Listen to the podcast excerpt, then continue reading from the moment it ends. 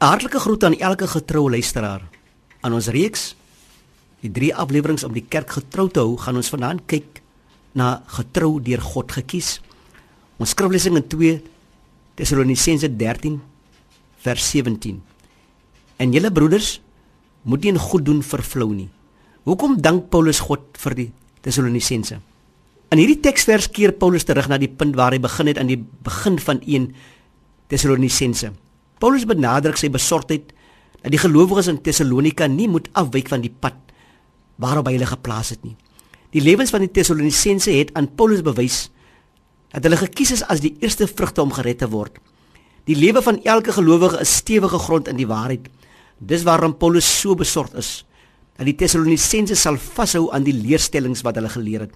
Liewe luisteraar, baie van ons as mense se begrip van die waarheid vervaag soms met verloop van tyd. Die geskrewe woord voorsien 'n vaste en onveranderlike norme waaraan die mondelinge boodskap wat deur 'n preek oorgedra word, getoets kan word. Kom ons erken, daar is so baie magte wat probeer om ons aandag van die waarheid af te trek.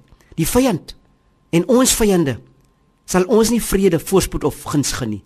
Onthou egter dat slegs God ons elkeen se lewens bepaal. Mag die Here Jesus elkeen van ons se lig helder maak in 'n donker wêreld waar daar soveel wanhoop is. En laat ons lig so helder skyn dat die wêreld dit kan sien dat ons deur God gekies is.